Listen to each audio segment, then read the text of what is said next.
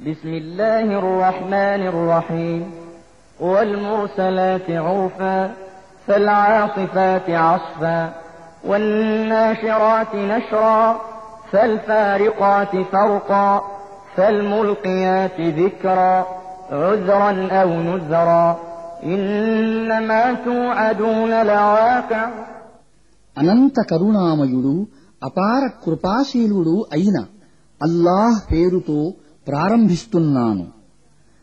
ఒకదాని తరువాత ఒకటి వరుసగా పంపబడే గాలులు సాక్షిగా. అవి తుఫాను వేగంతో వీస్తాయి. మేఘాలను లేపి వ్యాపింపజేస్తాయి. తరువాత వాటిని చీల్చి వేరు చేస్తాయి. అటుపై హృదయాలలో దేవుని జ్ఞాపకాన్ని జనింపజేస్తాయి. సాకుగా కాని లేదా హెచ్చరికగా కాని ఏ విషయం గురించి మీకు వాగ్దానం చేయబడుతోందో అది తప్పనిసరిగా జరగవలసి ఉన్నది فإذا النجوم طمست وإذا السماء فرجت وإذا الجبال نسفت وإذا الرسل أقتت لأي يوم أجلت ليوم الفصل وما أدراك ما يوم الفصل ويل يومئذ للمكذبين ఎప్పుడైతే నక్షత్రాల కాంతి మందగిస్తుందో ఆకాశం చీల్చివేయబడుతుందో పర్వతాలు తుత్తునియలుగా చేయబడతాయో దైవ ప్రవక్తలు హాజరయ్యే సమయం వస్తుందో ఆ రోజున అది సంభవిస్తుంది ఏ రోజుకై ఈ పనులన్నీ ఆపి ఉంచబడ్డాయి తీర్పు దినానికై ఆ తీర్పు దినమంటే ఏమిటో నీకేమి తెలుసు ఆ రోజున సత్య తిరస్కారులకు వినాశం కలుగుతుంది ألم نهلك الأولين ثم نتبعهم الآخرين كذلك نفعل بالمجرمين వైలు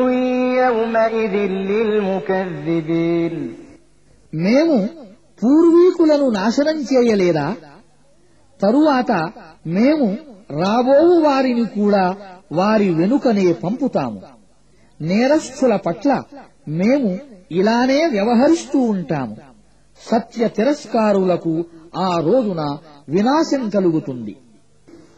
ألم نخلقكم من ماء مهين فجعلناه في قرار مكين إلى قدر معلوم فقدرنا فنعم القادرون ويل يومئذ للمكذبين మేము తుచ్చమైన నీటితో మిమ్మల్ని పుట్టించలేదా ఒక నిర్ణీత కాలం వరకు దానిని ఒక సురక్షిత ప్రదేశంలో నిలిపి ఉంచలేదా చూడండి మేము దీనిని చేయగల సామర్థ్యాన్ని కలిగి ఉన్నాము కనుక మేము ఎంతో గొప్ప శక్తి సామర్థ్యాలు కలవారము సత్య తిరస్కారులకు ఆ రోజున వినాశం కలుగుతుంది ألم نجعل الأرض كفاتا أحياء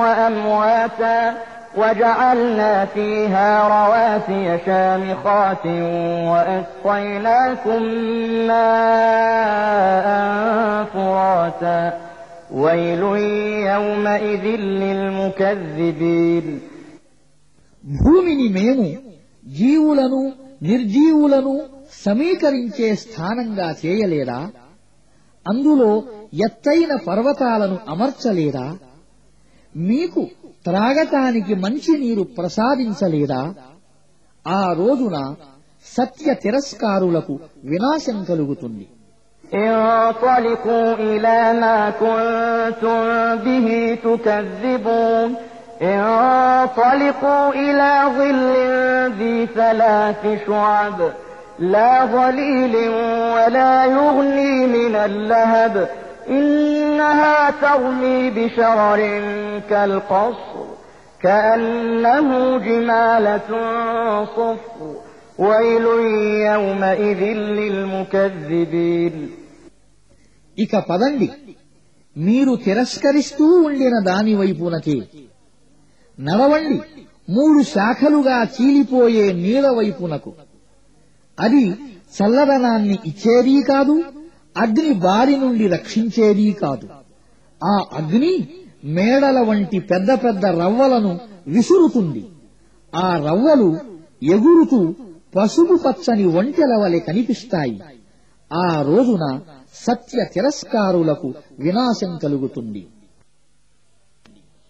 هذا يوم لا ينطقون ولا يؤذن لهم فيعتذرون ويل يومئذ للمكذبين వారు ఏమీ మాట్లాడలేని రోజు వారికి సాకులు చెప్పుకునే అవకాశము సైతం ఇవ్వబడని రోజు ఇదే ఆ రోజున సత్య తిరస్కారులకు వినాశం కలుగుతుంది هذا يوم الفصل جمعناكم والأولين فإن كان لكم كيد فكيدون ويل يومئذ للمكذبين ఇది తీర్పు దినం మేము మిమ్మల్ని మీకు పూర్వం గతించిన వారిని సమావేశపరిచాము ఇప్పుడు మీరు గనుక నాకు వ్యతిరేకంగా ఏదైనా పన్నాగం పన్నగలిగితే పన్ని చూడండి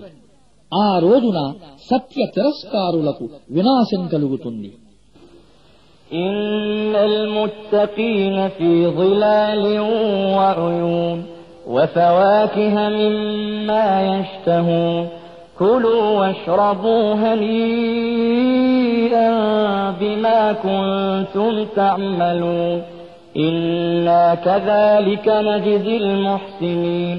ويل يومئذ للمكذبين దైవ భీతి కలవారు ఈ రోజున నీడల క్రింద శలయేళ్ళ మధ్య ఉన్నారు.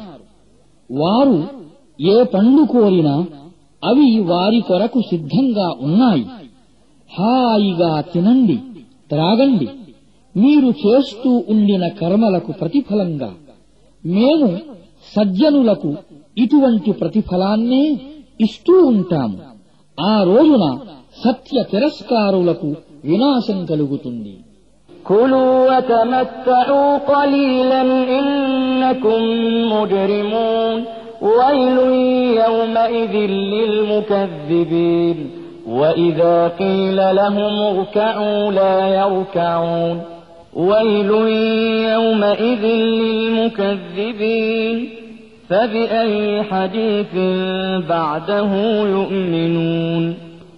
కొన్నాళ్ళ పాటు హాయిగా తినండి సుఖంగా అనుభవించండి. నిజానికి మీరు అపరాధులు. ఆ రోజున సత్య తిరస్కారులకు వినాశం కలుగుతుంది. వారితో అల్లా ముందు తల వంచండి అని అన్నప్పుడు వారు తల వంచరు.